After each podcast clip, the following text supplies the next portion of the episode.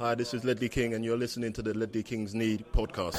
Släng upp en hand om du känner vad som sägs nu en podcast coming your way Så ge mig femman mannen och bara tryck på play Hey! Hej och välkomna till avsnitt 13 av Skandinaviens största och bästa Tottenham-podcast. Ledley Kings knä. Idag kommer vi avhandla Everton och Loris kontroversiella hjärnskakning eller icke-hjärnskakning och även prata lite Europa League, Newcastle och även Hawkman Show. Lyssna vidare. Upp en hand om du känner vad som sägs Är nu en podcast coming your way Så ge mig femman mannen och bara tryck på play Hey! Ja, vi hoppar direkt in på Everton-matchen och eh, jag tänkte att Per, du får börja analysera pressspelet.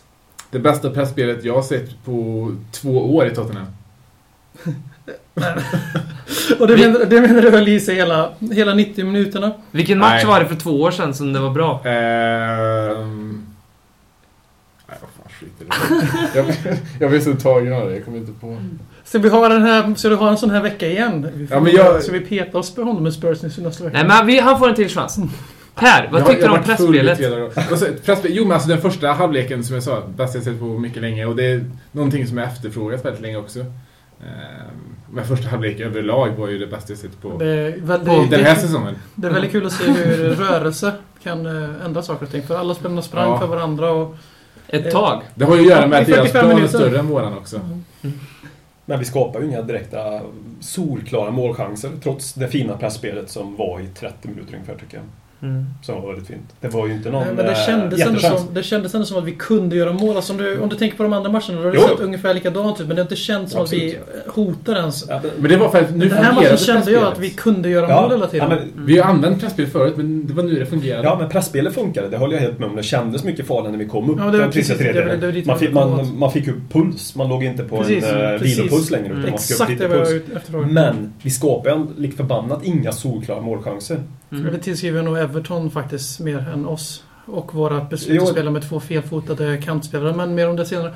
Mm. Men eh, det, det var positivt första halvlek. Ja, ja, men hela matchen tycker jag egentligen var positivt. eh, Speciellt också med tanke på att det här var faktiskt ett be- bevis på att vår defensiv är så bra som statistiken har visat i år. Mm. Jag har tidigare varit väldigt frågande till det, men det här är fa- faktiskt ett bevis på att vår defensiv är så här bra. Mm. Är det också ett bevis på att vår offensiv är så kass som man är? Ja, det men är när du, ingen bygger upp ett, när du bygger upp ett nytt lag, du börjar med defensiven. Om vår offensiv Hur kan länge bli- bygger man upp ett nytt lag? Ja, men det tar halvt väl... år. ta- Nej, Men det tar då väl han ett ju en halvt ny trupp tills i år. Så det är ett nytt Liksom lag vi- igen i år. Det här, det här laget har varit Det är väl sedan ganska två månader sedan tillbaka. Så liksom det, defensiven, det är där du pri- prioriterar först. Sen kommer offensiven naturligt och det kommer det göra också. Jag menar, vi är, inte, vi är inte ens en given startelva i det här läget. Och om vi vore... Vad är det som tyder på att offensiven blir bättre snart inom en viss tid? Jo, att vi, förmodligen kommer, vi förmodligen kommer lägga jävligt mycket mer fokus på det när, det- när det ser ut så här. Det, det är för att jag tror, den, för att besvara din fråga Håkman, Mm. var, varför offensiven kommer. För jag tror, offensiven är en sån sak som tar ett tag att spela in för att man lär sig vilka löpningar spelare gör. Och framförallt också lär man sig vad en, spe, en ny spelare gör med bollen, vad han gillar att göra. Och sen också en striker som Soldado, vart han helst tar sina löpningar. Det Och det kommer att- spelas det syns in. jättetydligt att spelarna inte är bekanta med varandra. Det är, den, det, är, det är den största förklaringen till att det ser så dåligt. Sen är det ju givetvis att vi gör det svårare för oss själva när vi spelar Townsend på högern och Lennon på vänstern och får två felfotade spelare. Det funkar bra när vi får rulla boll i fred och skjuta från distans. För det är ju Lennon så världskänd för. Ta- Townsend får ju ta alldeles för mycket ansvar. Ja. Och sen Mm. offensiva det, tredjedelen. är- det, Vi ger bollen till. Townsend. Jo, men för- bollen, ja, vi ger bollen till Townsend som vi fortfarande hade Gareth Bale på den kanten. Jo, men så är det. Vi ger dem som du säger alldeles för mycket ansvar. Och det är för att Lennon och Soldado inte kan bära det ansvaret. Mm. Och eh, vi måste in med någon annan än Lennon som kan avlasta Townsends ansvar. Om nu Townsend ska spela. Men Jag alltså- tror, på sikt, det man vill, jag vill spela in det är Sigurdsson och Lamela. Det är, det är två, två spelare som passar bättre i inverted winger-rollen än vad Townsend och Lennon gör. Men jag vill hellre ha vanliga kanter faktiskt i Tottenham. Mm. För att vi det har kommer inte Soldado- vi hända, har köpt jag. Soldado av en anledning. Men Då kommer vi till nästa problem om vi ska ha de här tydliga inverted-spelarna. Att då, då krävs det ju att våra ytterbackar är av en väldigt hög internationell klass. För då har de ett väldigt tydligt ansvar i, i breddspelet offensivt och i det defensiva. Och eh, Kyle Walker och Danny Rose, när allting är som det ska, som troligtvis kommer spela den på vänsterkanten. För Nej, men vill ju inte spela där. han kommer tillbaka nästa match. Ja, just det. Det var en vecka han var skadad. Jag, jag, jag tror inte de kan klara av det inläggsspel som krävs för att kunna få ett bra breddspel. De har ju löpstyrkan och de har fysiken kan jag tycka och konditionen tror jag de också orkar. Mm. Och springa så mycket hel match. Men de är alldeles för, för dåliga. För, då, nej, de har för dåligt indexspel. Mm. Kyle Walker tar ju alltid emot bollen innan han ska slå in bollen till exempel. Och Danny Rose, som gammal vänsterytter, har ett, Mm. eh, utifrån det perspektivet ett väldigt dåligt tillslagsfot. Martin Olsson är ju bättre på det här än vad Danny Rose är. Svar ja. Mm. Jag håller med. Eh, och jag tror det som jag känner mig trygg med där är att jag, löpstyrkan, konditionen i Rose och Walker finns där. Man får ändå tänka att de är ganska unga också. Och jag tror att det här är en sån sak, end product, eh, som vi enklare kan bygga på. Och som jag tror att AVB kommer att vilja göra. Eh, på Walker Rose. För jag tycker att samarbetet Walker-Townsend har sett bra ut. Han överlappar bra. Det är ett av våra bästa samarbeten i laget. Ja, och så, att, så att det, det talar för. Jag tror Walker kommer slippa till sin produkt. Och återigen, när Soldado eh, också har börjat lära sig att spela in laget, Walker kommer hitta någon bättre. För vi ser ju vad bedrövlig Lennon är på att hitta eh, spelare liksom. Jo tack. Men sen är det ju också att visst, de funkar hyfsat väl, Andrews Townsend och Kyle Walker tycker jag också, men likt förbannat, det händer ju inga slutprodukter från, från högerkanten in till boxen Nej. som, som, Ja, betyder, som betyder mål. Men- och då kan de sitta och ha hyfsat bra samarbete på mittlinjen när slutprodukten inte är ett... Ja. Ja, för Kyle Walker har inte den indexfoten till att kunna behärska det stora ansvaret som krävs av en Nej. modern ytterback som det heter sedan 20 år tillbaka. Jag tror det kan se lite bättre ut också när både Rose och Walker kan utmana. För nu blir det att eh, backarna är me- väl medvetna om att Vertongen kommer inte komma med en sån löpning och han kan inte bredda på det här sättet. Så då kan man försvara på ett annat sätt än om man En skulle ha två stycken. Liksom. aktiva spelare i offensiven mot Everton dock. Ja, det var han. Han var riktigt matchen, bra. Men Rose ger ju någonting, han ger ju en annan form av typ av speed liksom. Om man har spelat Walker på varsin kant. Då kan man, jag tror Walkers inlägg kommer se bättre ut när motståndarförsvaret vet att det kan lika gärna hända samma sak på andra sidan. Men nu med Vertongen får man en lite mer teknisk form av liksom dribbla sig fram liksom. Eh, så Rose speed kommer att märkas där tror jag. Jag efterfrågar fortfarande att vi ska spela med rättfotade kantspelare om vi nu ska om vi går över till ett mer rent 4-3-3. För vi har köpt en anfallare för 25 miljoner pund som vi inte spelar efter hans förmåga för överhuvudtaget. Och han får nu bära hundhuvudet eftersom vi har så fruktansvärt Han mot- alla mål in i boxen. Han har gjort Alla sex, mål po- förra sex poäng på nio ligamål och blir ändå ifrågasatt. Men han, jag, det, jag, jag tror inte det det- kommer hända. Det, vi spelar ju inte efter, vi Nej. spelar ju inte efter hans styrkor alls. Nej, det Han, inte eh, jag tror att han... då- Jag kommer inte ihåg siffrorna nu, men jag kollade på en, en passningsrörelse hur många gånger han tagit emot bollen. Och eh, han, killen får inte röra bollen alls. I första halvlek när vi totalt spelade ut Everton i stora delar, de fick inte röra boll på sin egen hemmaplan. Då hade Lukaku ändå mer bolltouch än Soldado. Och då var vi det spelförande laget.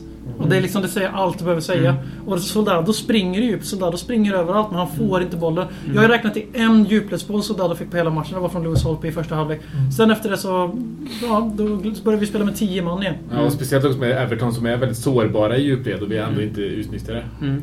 Jag tycker ju att Lamela har visat de här, eller Lamela eller vad fan man nu ska säga. Ja. Erik. Eh, Erik. Erik. Argentinaren. Eh, med frisyren, som ser ledsen ut. Och så ser det lite ut som en dinosaurie också.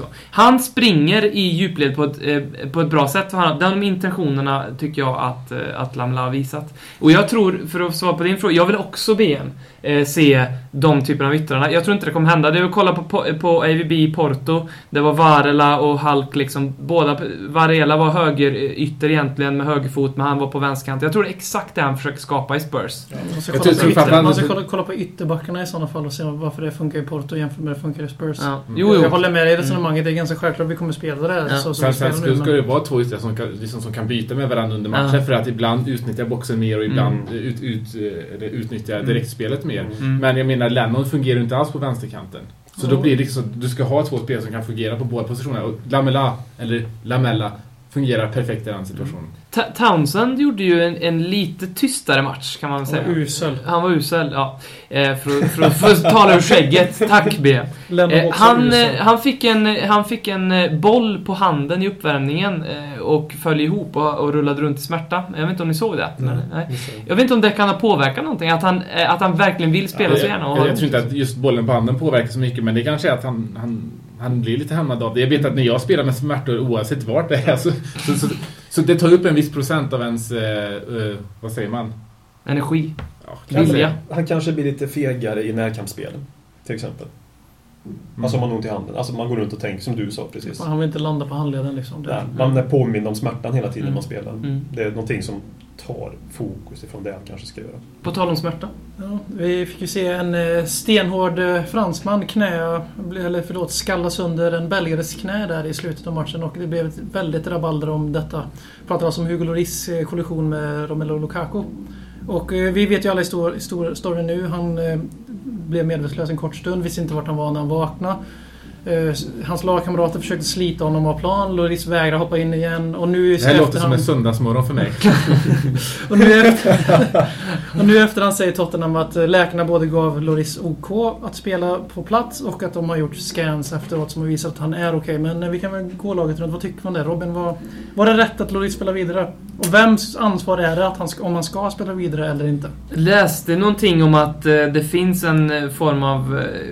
När det är en otäck huvudskada så ska spelaren i, i, i, i, vad, heter det? Framtida eh, beskyddande syfte. Vad heter det? I beskyddande syfte. Vad heter, vad heter det? I, I förebyggande syfte. Hallå! Ordboken. Eh, på tal om att dricka. Nej, men då, då, då ska han tas av eh, i förebyggande syfte. Eh, det är ju- UVBs val eh, att, att, i slutändan. Eh, och han ska lyssna på läkarteamet och läkarteamet ska lyssna på Hugo Lloris. Och jag tror att, jag har ifrågasatt Hugo Lloris alfahanne-status, hans pondus. Jag tror att det här är ett bevis på vad mycket karaktär den här mannen har. Han är ju ändå en fransk landslagskapten och det här bevisar lite att när han säger någonting, då ska det vara så. Eh, och när han säger att han vill vara kvar på plan, jag menar Dawson såg ut som att han ville liksom släppa hem sin fulle eh, polare hem från krogen. Men till, till och med Dawson blir osäker. Då, det visar lite på Hugos mentala styrka, att jag ska vara kvar på plan. Eh, så att jag tror det var bara att han var så säker, det gjorde att läkarteamet var osäkra och i sin tur då AVB osäkra och då lyssnade man på Hugo. Mm. Så den Mm, diskussionen. Men eh, det var bra. det har blivit det väckt ett jävla ramaskri i media nu efteråt. Att Tottenham blir attackerade från Fifa och varenda håll, mer eller mindre. Grejen, grejen är att Fifa har haft en konferens för, jag tror det var i somras med eh, läkarrepresentanter och så vidare. Där de kom överens om att vid en sån här skada, som du säger Robin, så ska den här bytas ut. Det är inte ab- absolut en regel eller någonting utan det är fortfarande upp Mm. till det- individuella Hade det varit en regel läkarteamet. så får de ju liksom Men- ta bort det från byten. Det är en god sed! Det är, det är en regel i andra sporter. Det är en regel i rug- rugby, jag tror också det är en regel i amerikansk fotboll och så vidare. Då är det såklart att när sån, och det är bara i vår eller europeiska fotboll som det faktiskt inte är så. Att man måste byta ut en vid en huvudskada. Dock tycker jag det är väldigt roligt att så här inte, det inte blev så här eh, diskussion om det när, när Lukaku och så vidare. Nej. De fick de här, då var det mer liksom, då kunde Martinez stå där och skryta. och Ah, kolla min spelare, han minns inte ett piss Eller målet när han spelar vidare. innan. Ja, men sen så när det är det här liksom lilla anti-AVB-mentaliteten som jag tycker blossar upp igen lite. Kan det vara också det att den här, den här smällen ser ju mer otäck ut. Den var ju otäckare Ja. säkert också än Lukakos eh, incident. Eh, West Ham borta var det Mm. Som gör att när det är så tydligt en, en 50-50 där med en stor Väldigt bra anfallare. Han får, han får ett knä. Var det knä? Det lår. lår? Lår. lår. Ja, det var tur att det var låret. Får ett lår i pannan och syns direkt hur han bara Det var, försvinner knät, in. det var knät för han blev utbytt för smärtor i knät. Ja, det är han stor. Jo, men det var inte var- knät det träffade på. Men hur, hur skadade Lukakus Ja, knä det, det, är För att han inte, kanske drog i det. det, är ju inte det, det är inte det viktiga. Utan jag Jag ser tror på att, bilden att det inte är knät. Ja, men jag, jag tror att det är det som gör, jag tror inte att det är någon uh, hetsjakt mot EUB. Den tror jag att det är mer att uh, händelsen ser, och är kanske också, mycket värre än de tidigare har varit. Och jag tycker ju faktiskt att man ska byta ut honom om han har tuppat av och inte minst vart han är. Oavsett om han känner sig reparerad efteråt, några minuter senare. Det, och det är ju inte Lori som ska avgöra, Loris som ska avgöra om han ska vara kvar eller inte på planet. Läkarna får ju visa lite jävla pondus där och släpa ut den helt enkelt. Det är fan, de har ju tagit sitt yrke för en anledning och rädda människor. Men det är där hans pondus kommer in i bilden. Jo, jo, alltså jag, jag, samtidigt, jag bara avrunda, samtidigt så, så, så stärker jag ju, får jag ännu mer kärlek för Loris när det händer naturligtvis. Han blir ju ännu mer, han blir ju större i mina ögon också och känner att fy fan. Mm. Alltså jag, jag ville ju inte att han skulle byta ut, bytas ut för jag, jag, jag ville att vi skulle lägga vårt tredje sista byte på någonting annat. Men vi visste ju inte heller att Nej, var däckat kanske. Precis, Ja. precis. Men grejen är den också att jag, jag- jag ser såklart också att får man en sån huvudskada så ska man väl i regel bytas ut. Ja. Men AVB hade aldrig, aldrig någonsin låtit Loris spela kvar, eh, spela, eh, spela, låt, spela klart matchen om, inte- om eh, läkarteamet hade sagt Han hade ju, 100% alltså, Brad nej. Fader stod ju vid fjärdedomaren ombytt och beredd Ja, men han så värmde, det upp så, ju- fort- han värmde upp så fort han Jag tror det var det som fick Hugo Lloris att spela vidare, att han såg att Brad Friedel var på väg in. Vad fan det är. Man bara fick flashbacks, bara åh helvete. Men det är det som jag tycker, för liksom, det har varit sån extrem kritik i engelska medier om. Så, ah, kolla vem man tror att han är. Tror han att han har, han har ingen doktorsutbildning, ändå vet han bättre än alla på hela jorden. AVB hade inte tagit det här beslutet om inte eh, läkarna hade sagt att, oh, men det, alltså hade de sagt absolut nej, då hade han aldrig fått spela. Det är engelsk media också. Ja, som är men- kända men för sen liksom att- Spontant känns det ju som att, eh, att lä läkarna inte vill att han ska spela. Verkligen att Hugo liksom vägrar helt enkelt Mm. nästan att gå av planen. Mm. Det, är den, det är ju den känslan jag får Det såg, jag faktiskt- det ser... såg ut så. Det Ja, det faktiskt. såg det verkligen ut det som såg- flera gånger. Men kom här, nej jag går inte. Nej, han stod ju så. Nej, jag går Mm. inte. Vad ska ni göra? Ni får ju skjuta mig för att ta mig härifrån. Den känslan fick jag. Så jag säger, nu säger jag inte jag att läkarna inte gjorde godkännande, men jag tror nog att läkarna ville nog ha med ut. Det är vad jag tror. Det, det tror jag också, men hade de sagt att nej, han får absolut inte spela, då hade han inte spelat. Ja, Ska vi gå vidare till en, nästa del av det här? Vi kan ju bara köra ett unisont fördömande av de eh, brutalt blinda och pantade Everton-supporterna som eh, Ja, buar ut Hugo Lloris och eh, konsekvent gör det resten av matchen. Jag, alltså, jag förstår att man inte ser lika bra på det när jag har sett sport live, men för helvete! Han, han, lig, han ligger alltså Det syntes direkt att han var 5-6 knockad. minuter med läkare runt sig. Mm. Och den här killen ligger väl inte och filmar 5-6 minuter. Vad Vad, fan vad ska vi göra fan där? vi känna? Vad kände vi på att han ska filma i det läget? Jag, jag, jag har ju väldigt många gånger snackat väldigt gott om Goodison Park. Mm. Nu är det en av mina hatarenor för all framtid. Det är ju Den mest också... osympatiska reaktionen för en, för en Premier League-publik jag sett på några dagar. det- För en allvarlig Eh, huvudskada alltså. Det, Lä, lärde mig också att Everton var en av de absolut värsta rasistiska ås, åskådarpublikerna också på 80-talet. Ja, det är klart. Så nu späder vi på här tänkte jag, med Everton-hatet. Ja, när man ligger ner så zoomar de in, eller inte zoomar in, det är en viss del av Everton-publiken som syns i TV-bild. Då är det någon liten fet, äcklig unge som står och skriker och hojtar med näven. Och, och gör wankertecknet. Och det gör han ju till 110% mot Hugo, Hugo Lloris som ligger där medvetslös. Och eh, hela publiken buar. Jag blir, sällan jag blivit så det- provocerad det av en publik som där. Stor skillnad mot när Mwamba gick ner till exempel. Så Mm, även då om var det då var det inga allvarligt Tottenham liksom. supportrar som... eh, var Då ingen körde de som jävligt buade. lugn också. Jo, men buade det var inte ingen och- som buade när han segnade ihop. Nej, Det var ingen som såg att det var något sånt först liksom. Så att, det tog en stund före man Ja. fattade att det var riktigt... Det är självklart väldigt olika kvalitet på Ja, olika. det vill vi vara ja, tydliga men vi kan ju bara visa liksom i jämförelse Ja. vad vilka mer varma supportrar vi är. Ja, precis. Ja, jag tror ju att Everton-publiken hade buat ut Mwamba. Ja, nej. men det det, alltså oavsett... Kan det ha spelat in att Lukaku blev varnad för tilltaget? Eftersom jag skrev Ja, på Twitter och jag kanske. såg att han hade chansen att avbryta den Ja. löpningen. Han hade inte en suck innan först på bollen, så han ska enligt... Alltså, han är vårdslöst spel att bli varnad för. Sen fattar jag själv att han inte uppsåt att skada och han försöker inte träffa Lloris på något sätt. Men han hinner stanna, det är Nej, jättetydligt. Lite, lite opolerad, han är, det får man inte glömma. Även om han känns som han skulle vara 28 år och, och rutin och som han spelar på planen så är han fortfarande 19 år. Eller var han 20 kanske? Han Men jag, ju- jag tänkte att, liksom att på grund av att han blir varnad, det är, inte, det är ju absolut inte med flit. Så, Nej. så är, det, är det kanske där agget kommer ifrån. Ja, och sen är det ju inte Brad Friedel som kommer med vanlig snigelpostenfart här heller, utan det är ju även Hugo Lloris som kan överraska Lukaku lite, för han är ju jävligt snabb Jo, jo, men alltså det syns tydligt på Så att, eh, att han, att han hinner att, att, alltså, att han hinner vända undan om han- eller stanna om han vill. Alltså hinner de i hockey, när det går betydligt mycket snabbare, så hinner Men de det är i lite fotboll enklare att bromsa i hockey också. Ja, men det går att hoppa i fotboll eller? Och svänga. Ja. Inte Nej, om det- han hinner vända Lukaku. undan där, annars hade han inte fått gult kort. Det Han det- framstår som att han har svängradio som ett Boeing 737 liksom. Ja, det är Det det är faktiskt... Men det är det mest provocerande nästan hela säsongen, Evertons agerande faktiskt. Det Ja. gjorde mig fruktansvärt irriterad. Och med de orden så tycker jag vi går vidare. Fuck them.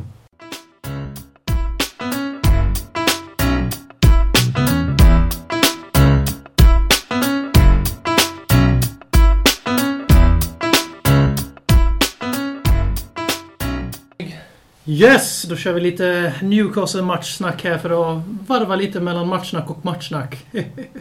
och vi ställs alltså mot Newcastle. det var mitt Det nöjda... fejkade skrattet var jättefint. Tack. Tack, jag har övat länge. I alla fall, Newcastle, eller som Håkman gillar att stava, Newcastle. Ligger nia i ligan med 14 inspelade poäng. Då deras rad är 4-2-4. Jag blir hotad av Håkman här. Jag- får wanker-gester från Håkman där. Eh, de slog Chelsea sist, och, eh, men det var faktiskt deras andra seger endast på de här sex senaste ligamatcherna. Dock, oroväckande nog, så tog de också poäng mot Liverpool, så de verkar ju ha någon tendens då och spänna på lite topplag i år. och Det är ju inte så bra för Tottenham. Och... Det eh, har bara varit på hemmaplan va? Ja, Mm. men ändå. Försök, förstör inte mitt upplägg här. Jag försöker skapa lite... Men det- ändå. Där. Ja, men ändå. Men ändå liksom. De är aggressiva. De är relativt breda. De sprider ut spelet trots att de har kabaj i mitten, eller kebab. De är franska. Och eh, de eh, gör mål på öppet spel. De kontrar mycket och de är starka i luften. På papper tycker jag att det här är en mo- mardrömsmotståndare för Tottenham. Bra De mot har den- topplag, stora växt, storväxta, kontrar bra. Fast De har den de, de, är ex, de, är, de är exakt samma lag som vi har. Ja. De har även den utskrattade tidigare Tottenham-spelaren Joe Kinnear som Director of Football. Ja, det kan ju vara Underbar världens, man. världens mest konstiga beslut tror jag. Ja. Att anställa honom som... Huvudlöst beslut. Alltså, jag, ja, Alla Han har, visat, han har gjort en väldigt bra handbok för hur man inte ska styra en klubb. ja, men hur kan man... Det värsta är ju att anställa honom. Mike Ja. Ashley. Som sägs vara Tottenham-supporter. Han är ju London-kille Ja, men han har ju spelat i Spurs. Mike Ashley. Nej, ja, nej, Mike Ashley. Nej, Nej, nej. nej. Joe Kinnear, det vet Ja. jag. Men Mike Ashley sägs ju vara Tottenham-supporter. Ja. Han, men det sa man även när han tog Alan Pardew. Att det var ett dåligt beslut. Och det var, nu kanske det var ett dåligt beslut. Men då gjorde han ändå skrev en nioårskontrakt med honom efter en lyckad säsong har ju visat sig vara ganska korkad. För han Ja, kan ju inte bli sparkad på typ fyra år utan att de går i konkurs. Nej, men eh, det, kan, ja, det är aldrig lika korkat som att ta Joe kanske. Vår poäng är att skatorna har korkade ägare och korkad ledning. Och Alltså- kommer att ta poäng åt Tottenham. eller? Nej. Ja, men Newcastle tycker jag har en bra trupp. Alltså, nej, inte en bra trupp, de har ett bra lag. De har en bra startelva. Absolut. Absolut. Kabay, Skit- Ben Arfa, Jättefint mittfält. Cissé. Mm. Remi har gjort sex mål sedan han kom dit. Ja. Cici har ju varit ett skämt I år ja. sista året. Men Nu gör han har- väl två för det. Men sen TOT gick väl av senaste matchen. Han eh, ska för förmodligen tillbaks enligt Fysio. Så han eh, spelar förmodligen. Det är Man- tråkigt. Och man Han får... och Kabay är ett riktigt bra Mm. mittfältspar. De åt ju upp Sandro och Dembele ganska bra för i fjol. Nu kanske jag hänger kvar här lite i snacket om Newcastle, men jag tror att risken som finns med det här laget är att man har så många fransmän som lätt kan gadda sig mot Pardew. Till exempel om Cissoko eller någon av grabbarna i gänget skulle bli petade liksom. Eh, och att, att, att de går Nu emot kommer den Pardew, att det blir en engelska Robin liksom. Bronsfield fram här och hans fransk agg. Ja, Ja, eh, jävla snigellätan. Nej, jag skojar det, bara. men det är för mycket... eh, Jag gillar de här spelarna jättemycket, men jag bara tänker att det finns en stor De risk. försöker vara Arsenal 2.0. Ja, och jag tror det finns en risk att det blir nya QPR av det här. En massa högavlönade spelare som gillar att umgås men inte att Jag träna. hoppas av hela mitt hjärta att Newcastle är den nya QPR, faktiskt. Men, Motivera. nej, jag gillar inte Newcastle. Det är ett lag man inte gillar. Sports Jag Direct Arena. de, de heter. Park. Ja. Ja, Ja. men det, för, för mig kommer de för alltid vara Sports Direct Arena. och, och förstöra den där fina arenan med det namnet. Ja. Ja. Nej, men det är alltså, som du säger, alltså, Newcastle har sett väldigt, väldigt vassa ut på sistone och när de kommer till eh, White Hart Lane med det resultatet som de har i ryggen, jag tror det är, som det, det är lite av en mardrömsmotståndare just nu. Mm. Framförallt de har självförtroendet. De kommer tillåta... Det här, nu möter vi ett lag som kommer ställa bussen på White Hart Lane, men som har spelskickligheten. De andra lagen vi har mött som har ställt bussen har ingen spelskicklighet. Och nu möter vi ett lag som kan kontra ordentligt på Tottenham och parkera bussen. Jag ser verkligen eh, oro, olyckskorpar i luften inför den här matchen. Snyggt med olyckskorpar där i och med att de kallas för skatorna. Ja, och, men- ja, det är inte jag- samma djur. Jag tror den här matchen kan eh, Fågel. få oss att kunna skapa lite mer eh, målchanser. För jag tror de kan gå upp lite i banan. De har Hoppas, vi, vi hoppas på det, för de har en ganska stabil backlinje får man ändå De, säga. ja, de har fått lite mer självförtroende eventuellt efter de här eh, två fina resultaten senast. Och eh, även de eh, spelar ju 0-0 efter full tid mot City i ligacupen och förlorade på förlängningen med 2-0. Mm. Så det var väl en, en match som de spelar jämt med City vad jag vet. Eh, men det är ju det här av att de har ju vissa spelartyper som inte kan spela defensivt. Du har ju till exempel Hatten Ben Arfa. Det är ju ingen som kommer ta jobbet till Kabay men, är väl ingen heller jättetydlig defensiv. Älskar Kabay, tycker han är en fantastisk fotbollsspelare. Mm. Det är inte det, men det är Många som ingen... vill se en som Modric ersätta det. Ja, ja, lätt. Det var min, absolut min största dröm där och då. Nu behöver vi inte honom känner jag, men där och då så var det. Så nej, men vi brukar, brukar bli bra matcher med Newcastle. Historiskt sett så brukar det, men nu är det ju ett annat Vi minns ju. Emanuel Adebayor 5-0 mot Newcastle. Harrys match när han släppte den här framförallt säger jag. Ja, ett mål, fyra assist från Adebayor. Känns säger jag då. Vi minns även den smärtsamma förlusten då Bafemi Martins gjorde ett drömmål långt utanför boxen för kanske tre, fyra säsonger sedan. På White Hart Lane. Mm. Så det, det är tufft motstånd. Eh, Check Ja. TOT är tveksam. Det står att han ska vara tillbaka den 10 november och det är väl vad jag minns, det är väl På söndag. den 10 Precis det vi, Vi fastslog för Ja. tre minuter sedan i... Men det är bra Robin att Jag du såg kommer då nu. kanske. Ja, och det är samma det med Colocini, eh, som kan vara tillbaka. Ja, han får gärna vara tillbaka. Eh, Steven Taylor är borta. Haidara är det borta. hade, han hade jag velat ha med, Steven Taylor. Och även Dammet, som det var första gången jag hörde hans namn. Men han är skadad. Tim Krul var ju väldigt bra för några år sedan tyckte jag. Ja, är fortfarande bra. Ja, spelar, men bakom, inte- spelar bakom en dålig backlinje. Inte lika... Mm. Det är en bra linjemålvakt, Tim Krul. Ser ut att kunna få en eh, Thomas Brolin-kropp när han slutar spela fotboll. när man tittar på honom. Ja. Jag tror, jag, jag tror vi kommer att göra bra ifrån oss på söndag. Jag tror att liksom, det går ändå uppåt för som vi vill kolla senaste matchen. Och, och jag tror också att eh, efter den här kritiken som ABB gav mot publiken så såg vi det inte minst i matchen mot Hall. Ja, det var 1882 också. Jo, Så- jo, men det spelar ingen roll. Det spelar ingen roll. Det är på, åt rätt håll. Jag tror att ha en, antingen en hemmamatch mot ett spelande lag med publiken i ryggen. Jag ser fram emot den skiten. Men, men grejen är ju den att för, för att få publiken med sig, och detta ska inte egentligen inte, man ska egentligen inte behöva göra detta för att få publiken med sig, det är inte det jag menar. Så tror jag vi måste börja skapa lite mer tydliga målchanser, att spela, Mm. publiken vaknar till. Mm. Återigen, inte den vägen man ska behöva gå, men jag tror att det är den vägen vi måste gå för att det ska med, få för det hade, mer det hade varit exakt samma mot Hall andra gången om inte 1882 hade haft sitt... Ja, sitt- alltså få lite mer... Och jag, jag, jag är... Jag, jag kan inte se hur vi helt plötsligt ska spela champagnefotboll. Men det är ju, så, precis som du säger Håkman, det vi har konstaterat förut är ju att målchanser skapar en bra stämning inne på arenan. Det som är lite oroväckande då är ju att det här är en eh, early kick-off. Matchen börjar klockan 13.00. Med andra ord 12. engelsmän... 12.00 i England såklart. Engelsmännen hinner bara dricka i bärs i en timme. Vilket är lite oroväckande för stämningens skull. Jag har Eh, hunnit dricka bärs i två timmar då. så, så är det ju.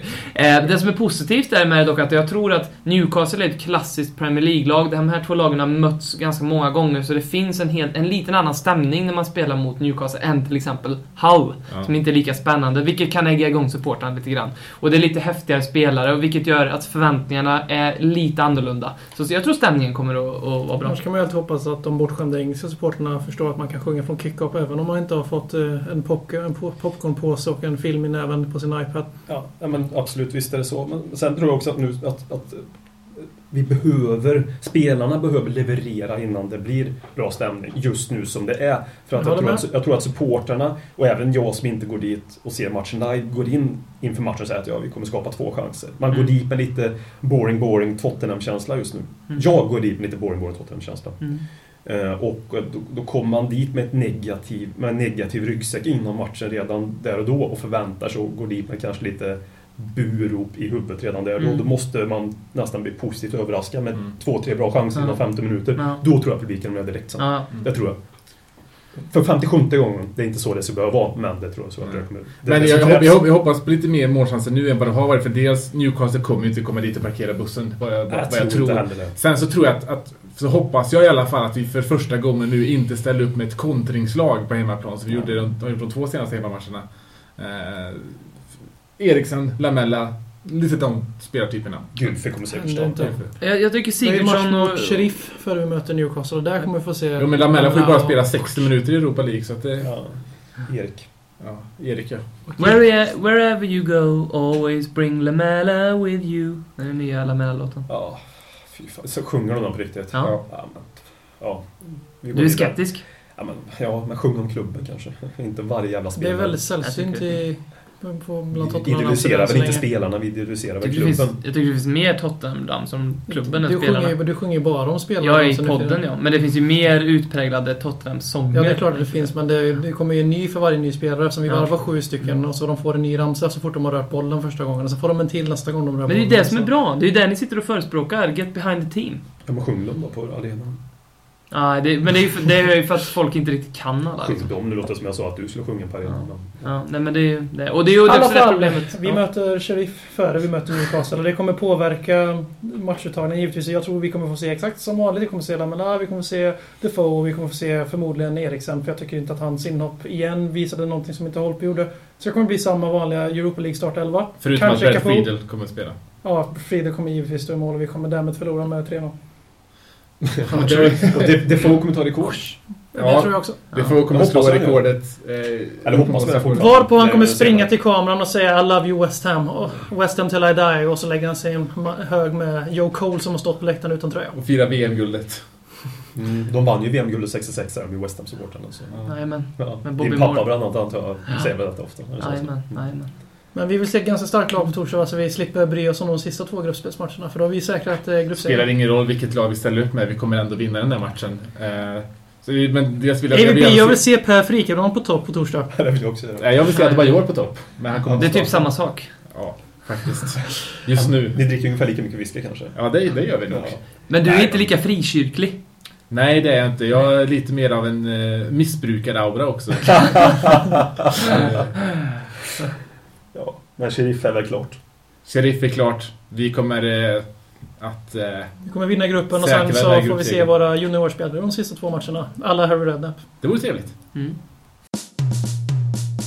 Talkman show, Talkman show, Talkman, Talkman, Talkman show.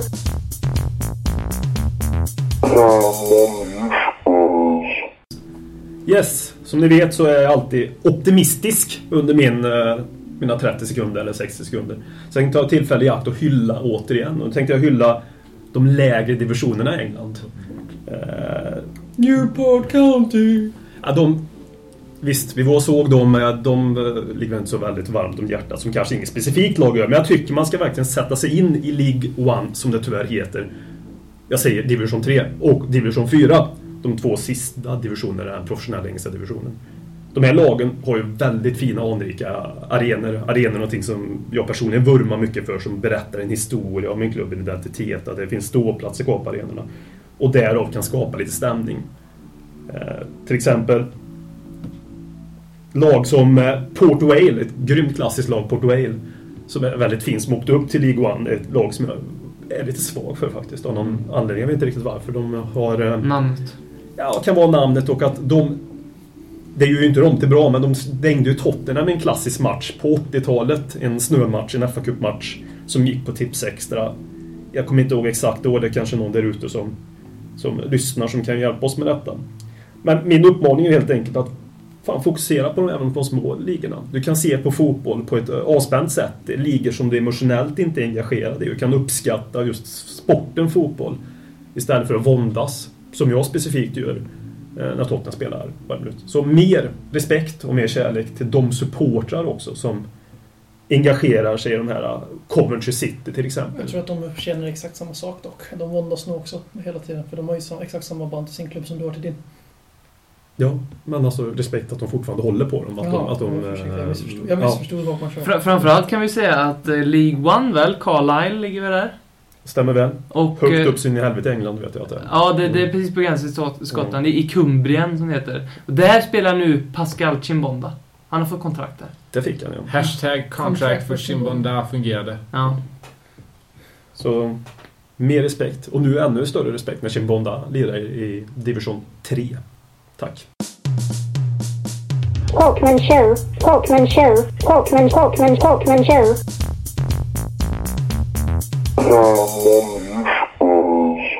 Ja, då går vi över till den här veckans specialämne. Och idag hade vi tänkt att diskutera media, dess vinkling och även spelares eh, lilla tendens att gå ut och beklaga sig i media när saker och ting inte går deras väg. Så vi tänkte vi... Den här veckan har varit väldigt, väldigt, väldigt aktiv när det gäller att gå ut och beklaga sig i media från Tottenham Hall. Om man tror att man läser. Eller hur Per?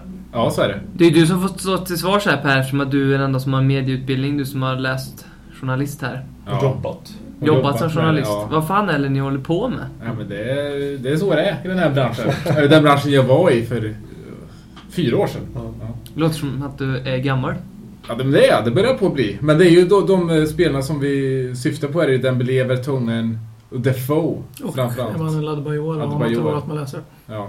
Mm. Eh, Dembélé och JD är väl de två som jag kanske ser som mest irriterade. Eh, Jermaine Defoe, där jag tycker att han har flörtat lite med West Ham. Sagt att han fortfarande älskar klubben och att han aldrig borde ha lämnat den. Eller riktigt så sa han inte. Men typ Dembélé som snackar om att planen är för liten och att eh, det kanske är det som gör att Tottenham har så svårt på hemmaplan.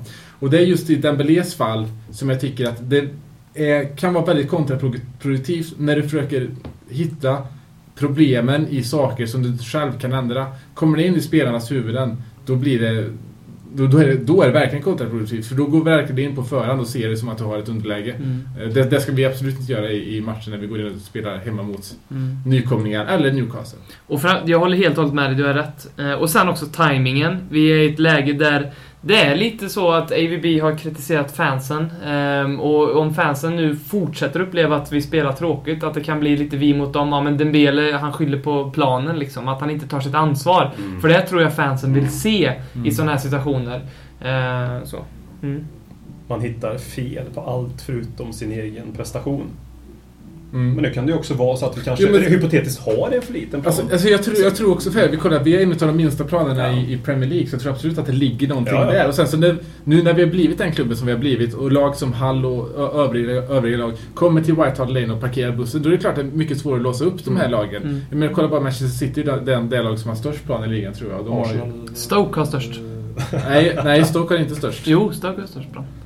De, eh, de har minst plan, så Ja, kanske. jo, För att de vill... Stoke har väl aldrig spelat. Ja, de har minst plan, Ja, såklart. så det är en väldigt stor skillnad. Det är United som har störst. Nej, City har störst. City har störst. Ja, jag, jag sa precis det. Ja, Okej, hej. Ja, eh, sy ihop det här. Eller behöver inte sy ihop det. Men det är väl som, vad sa du, att planen borde vara större egentligen. Det borde den, men det är inte det som är poängen i det hela. Poängen Nej. är den att vi ska inte leta Det var, ingen, det var ingen som skyllde på att plan var för liten i fjol när vi hade någon som kunde på egen hand Nej. utnyttja plans storlek och vinna matcher. Det, alltså, det här är spelarnas sätt att, som, att ta bort uppmärksamheten från sig själva. Och, Det ja. är helt fel. Vi, har, vi kan jämföra med Holtbys uttalande där han går ut och säger hur mycket han, han, anser det vara en ära att spela Tottenham. Men där har vi en kille, han gömmer sig inte bakom några ursäkter. Utan han, han, eh, han beter sig som man ska göra när man spelar för Tottenham Hotspur. Han uppskattar att vara här. Han skyller inte ifrån sig. Men jag, jag, jag bara lägga in en liten brasklapp där att jag... Eh, det, det som är också lite poängen med det här segmentet är ju också att vi funderar lite kring hur media faktiskt har vinklat de här olika gnällspikarna, om vi får kalla dem så nu. Det jag tycker faktiskt att ändå eh, Dembélé är väl den som varit eh, mest legitim och faktiskt klaga på hans uttalande. För jag tror att det faktiskt är kontraproduktivt för, för Men om han laget. säger det så betyder det att det finns fler i laget som anser det. Det är Precis. ingenting han bara kommer på själv. Nej, och det är ju livsfarligt om de börjar tänka så att det blir en verk... Som du, exakt som du sa, det blir en verklighet i gruppen. Även om det nu kanske vore bättre för oss på en större plan att vi går in innan matchen med demoner i skallen och 1-0 underläge. Mm. Ja, det, det känns ju också lite som att det finns en agenda just nu mot Spurs när ja, JD och Dembele i nutid ändå går ut och pratar om det här och då helt plötsligt out of the blue så dyker upp citat från Jan Vertongen som var, eh, inte ur kontext, men däremot eh, det här var ju uttalanden som Vertongen gjorde i en intervju i december 2012 och det blossade upp nu när de här andra Det, varit det, andra, det gör sin andra vända nu när han går ut och beklagar Ja. sig över vänsterback. Det är andra gången det blom, blommar upp i media. Så att, grej. det känns lite som att media är Captain Ahab här och ute på, eh, som i Moby Dick, ute efter den vita valen då som är Spurs och försöka dräpa oss på något sätt liksom och massa kasta så mycket harpuner de bara kan nu. Eh, så känns det lite. Att det finns en agenda. Vi är ju en större klubb nu också säkert. Vi är, ju- det, är mer, det är bättre och roligare att skriva om Tottenham. Det, det säljer mer att skriva om Tottenham än när vi varit Vi kan, ju, 10-11 vi kan ju alla enas om att eh, det här, just den här lilla, den har ju förmildrats efter att det har gått bra för ABB. Det går inte att säga emot. Men eh, det, allting började ju på fel fot eftersom deras gunstling Harry Redknapp fick kicken och Spurs trots väldigt bra resultat. Och det, det var där och då som väldigt många i media bestämde sig för att nu jävlar och det är ganska uppenbar i vinklingen efteråt. För Harry gav dem precis vad de ville ha. Han sa allt. Och nu har vi AVB som går ut och säger att Danny Rose är skadad en vecka sen är han borta i tio matcher. Och han spelar inga öppna kort alls med media. Och han, eh, så det, det har ökat, intensifierat mm. intensifierat hatet mot Spurs i media. Jag, jag känner inte som att det är något hat riktigt. Jag tror jag hänger ihop med att vi är en större klubb numera. En större klubb.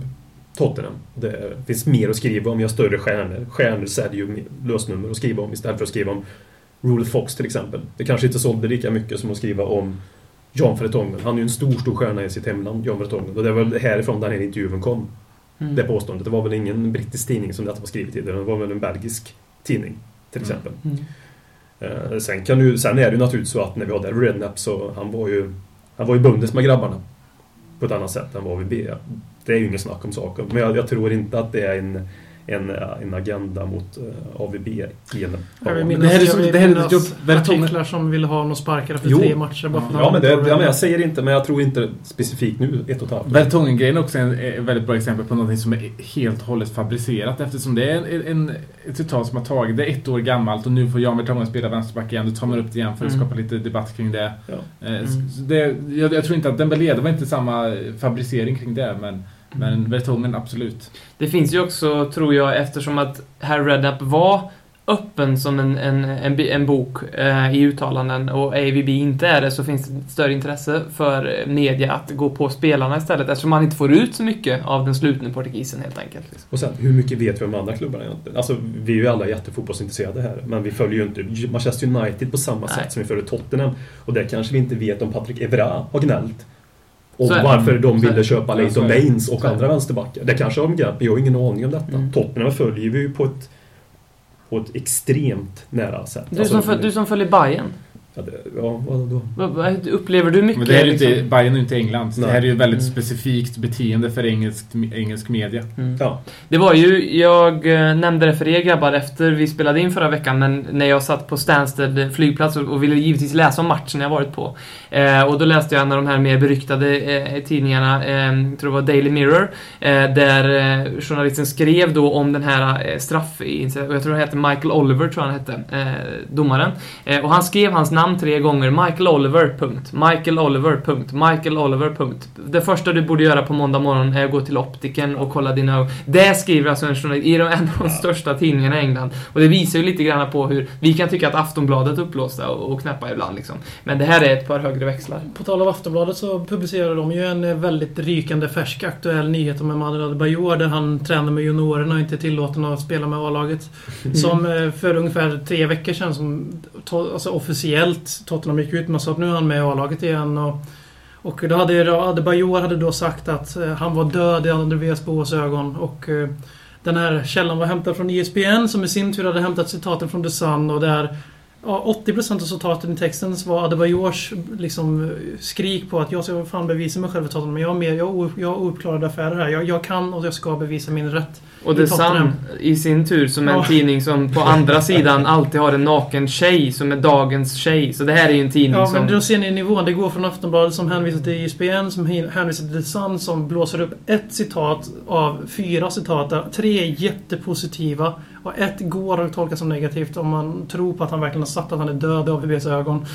Så Men det, det, vi det är så journalistik funkar idag. Vi har haft fyra stora eh, stories gällande Spurs-spelare i tidningarna i veckorna här och då har vi kommit fram till att minst två av dem är mer eller mindre fabricerade på något sätt. Då har vi en kvar och det är Jermaine Defoe och där är jag lite orolig över hans eh, Det är tredje citat. gången han pratar eh, i termer som man kan tolka till att han vill bort.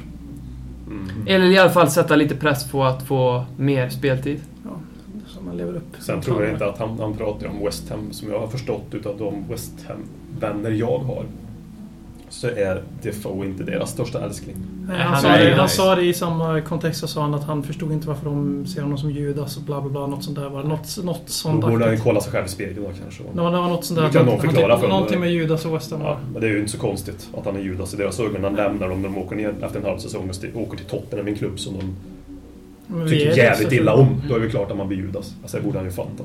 Sen förstår jag att han vill lämna West Ham. Jag menar, jag, jag hade aldrig, aldrig velat spela i West Ham just för... Nej, nej, men, Men- man borde ju men- förstå varför han är Judas. Det var väl många som gjorde det också då. Det var väl då den här Golden Generation där med Lampard, Cole, Ja. Ferdinand och Vi alla köpte, de ju, vi lämnade. köpte ju Carrick också i, Ja, ett Carrick. halvår senare. De hade ju en väldigt fin trupp Mm. För att få åka ut i alla fall. Men Mm. det är ju naivt att tro att vad fan ska älskad. Men det kom ut rapporter i alla fall om att eh, hans eh, intervju där när han sa de här grejerna, det får att det ska komma ut eh, i klar kontext i, ikväll 11, svensk tid. Igår blir det för er som lyssnar. Så då får vi väl höra hela historien, för det här ska ju tydligen vara också taget ur kontext, för det är ju alla PR-agenters svar på saker och ting. Men, men grejen är efter en viss tid, till sommaren, han kommer ju lämna till folk. Jo, ingen rök utan eld säger jag på det. Nej. Det är tredje gången det händer snack i media liksom som... Och han vill spela fotboll naturligtvis och han kommer aldrig vara första val igen i Tottenham. Vi kommer inte börja satsa för nästa år är väl Defoe 31 år, eller? Jag Yes. tror han redan är 32. Ja, men vi, jag tror Skitsamma, Jag gammal tror, gubbe. det är han verkligen inte. jag tror inte att han kommer bli första val igen i Tottenham. Och det betyder inte att jag tycker att Defoe är en dålig spelare. Jag tycker Defoe är bra på väldigt mycket som fotbollsspelare. Väldigt fint och rappskott bland annat.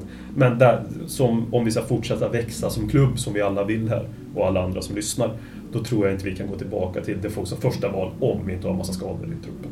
Nej. Jag tror att det passar väldigt bra också med att West Ham har haft väldigt mycket problem på sistone med målskyttet också. Att januari Ja, det, det, börjar det, närma det sig. såg vi på White. Ja. Och det är ett VM-år. Ja. Mm. Ja men det är där, alltså, det är, Ja. där allt det här kommer Det är från. Han har, han har gjort så här genom hela sin karriär i Spurs när det har varit mästerskap så har börjat sätta press på att han ska spela. Och det är ju hans kanske eventuellt sista Ja. möjlighet att vara med i ett mästerskap till faktiskt. Samtidigt så pratar han också om att vinna titlar. Eh, och det var, det var någonting, för det är ju någonting som Defoe aldrig har gjort. Han var ju i Portsmouth när de vann FA-cupen om inte jag minns, men han fick inte spela för att han hade spelat för oss den säsongen. Så att han var inte, fick inte vara med och ta åt sig äran. Så det är också lite så här kluvet att han... Och ligacupen vann inte hos oss, då vann ni Portsmouth va? När vi vann Ja, då var han i Portsmouth, ja. Mm. Så att ehm, det är väl, ja, det är väl ta hem eh, VM-bucklan för England då 2014 som Mm. han... Ja, men det känns realistiskt. När grisar flyger och så vidare. England är We favorit. shall see.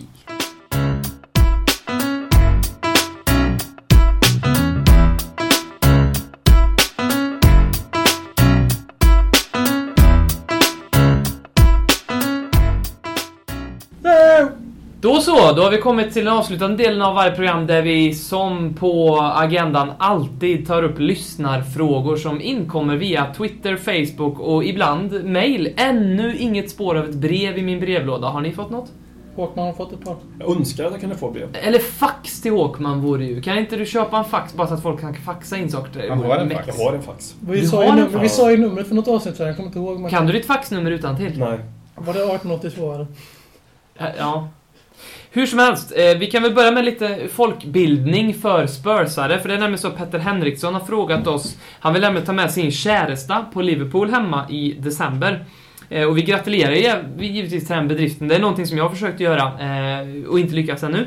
Eh, Gratulerar henne, hans käresta som Ja, får chansen till Spurs. Ja, precis. Jag har nämligen försökt få med mig Petters eh, käresta länge här nu, men inte lyckats. Nej då. Eh, hur som helst. Han undrar då om hon behöver vara Lily White-medlem för att eh, kunna gå på matchen. Och svaret är både ja och nej. Eh, i, det, det säkraste kortet är att hon skaffar sig ett Lily White-medlemskap. Eh, för man kan nämligen inte köpa två biljetter på sitt kort om det inte är så att de ligger ute på general sale. Oftast är det bara de kategori C-matcherna, D-matcherna som går att göra så på. Eh, Så det är absolut. Och det är en bra investering också ändå, för att annars om man vill köpa två biljetter så kommer det kosta skjortan via någon form av resesajt eller via StubHub. Som vi inte ens ska gå in på vilka hutlösa priser som de har. Ehm, hur som helst, Claes Karlsson, för att relatera till lite det här Varför vad... nejet i det, i det svaret? Det både ja och nej. Att hon måste inte vara medlem om man vill gå en resesajt och sen så... Det var bra att du tog upp det, för förstörde typ allting. Ehm, Claes Karlsson, Kan vi också få några frågor kanske? Ja, det kommer. Vi kommer vara så säkra. Jag ska säga det. Oerhört mycket bra frågor den här veckan. Vi älskar det här. Vi har svårt att välja ut för oss mycket. Ja, fantastiskt bra.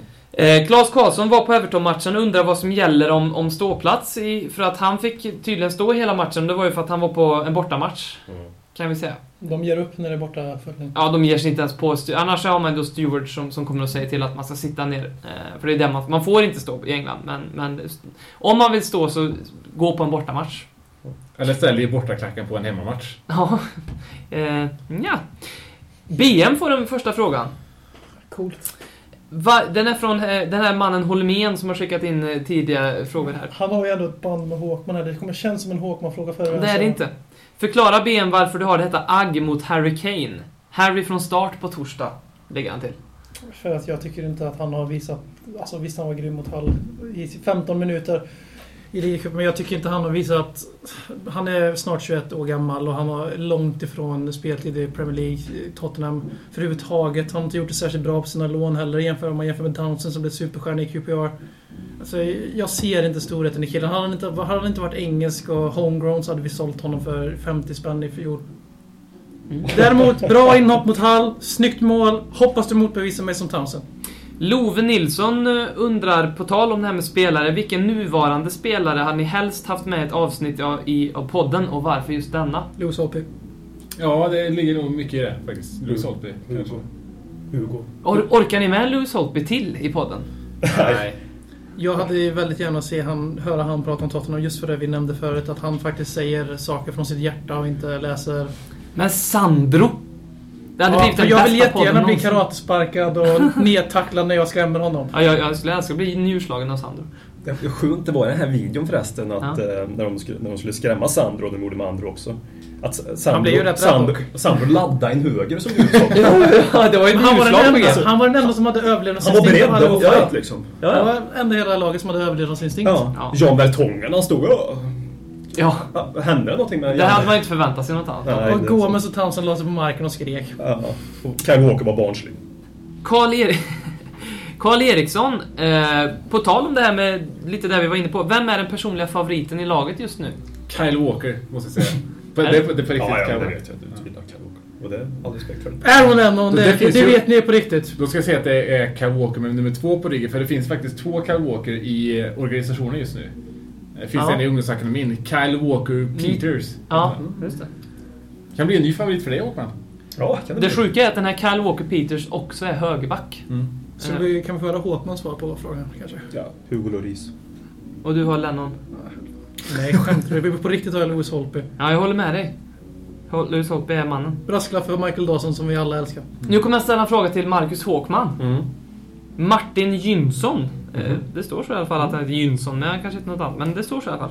Eh, via Facebook. Mhm. Är Pat Jennings den bästa målvakten vi haft i Spurs? Om jag inte minns fel är han den första målvakten som också gjort mål i Premier League. Okej. Okay. Premier League tror jag inte har gjort några mål. Men, Nej, men i Division 1 då Ja. troligtvis. Nej men alltså jag är, visst jag är ju äldre än er och betydligt äldre än er. Men Pat Jennings har jag faktiskt aldrig sett under min tid. Sen har han ju ett, ett, en fantastisk... Eh, han har ju en CV som är fin.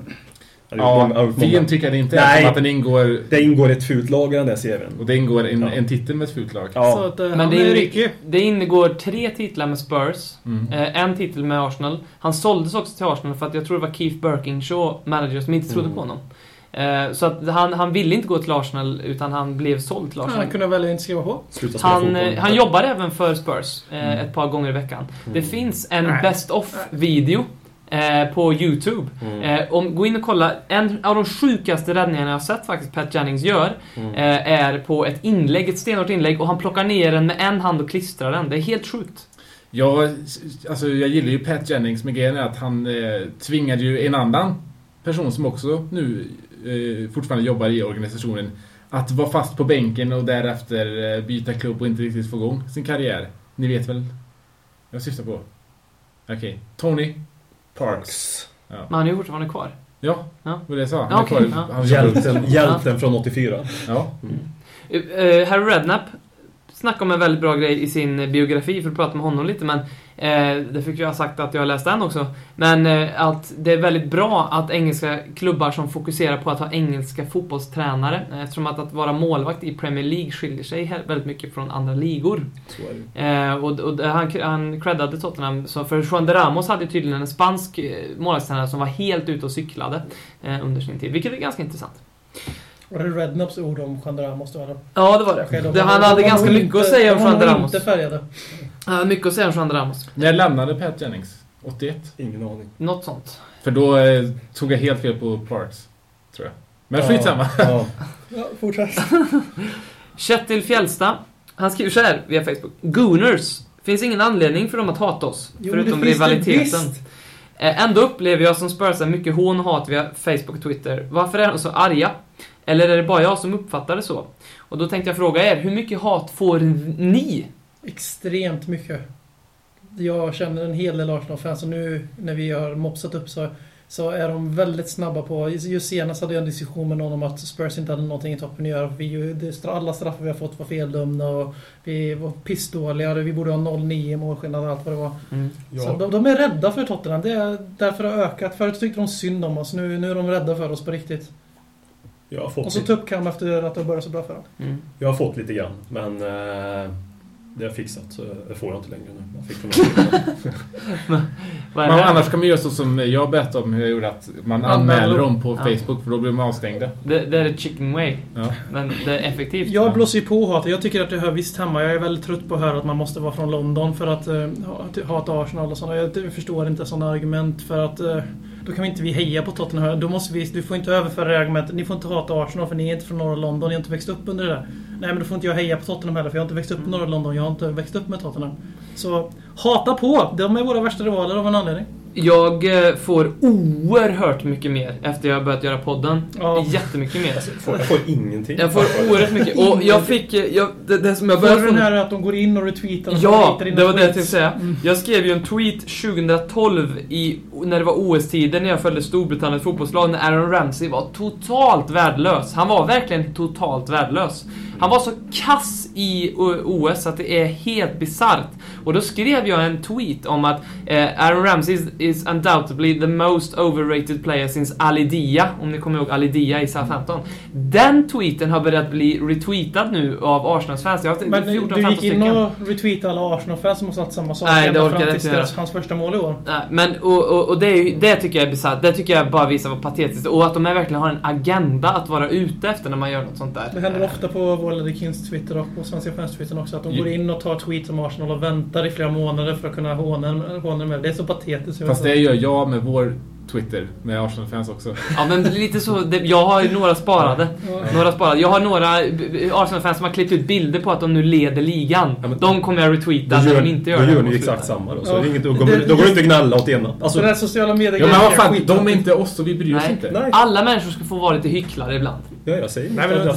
Eh, vi, vi tackar eh, Elis Cisterno Zettervall för hans fråga om eh, Dembeles teorier om White Hart Lanes gräsplan, för det har vi pratat om. Ehm, David Selin undrar hur vi föredrar att se matchen.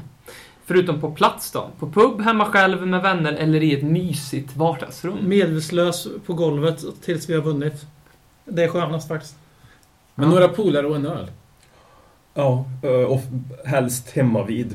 Gärna med folk hemma vid, men alltså där man inte blir störd en massa andra. Man får, man får tjata på att höja volymen eller att det är någon, några idioter bredvid som förstör upplevelsen med en skrikande unge som eh, inte har fått mat eller någonting sånt där. Eller ett Arsenal-fan. För mig är det viktigt att Ja. kolla med folk som är insatta på, Ja. till samma nivå som mig. För jag klarar inte av de här plastsupporterna som väljer ett lag. Och framförallt att de alltid hejar på... Inte...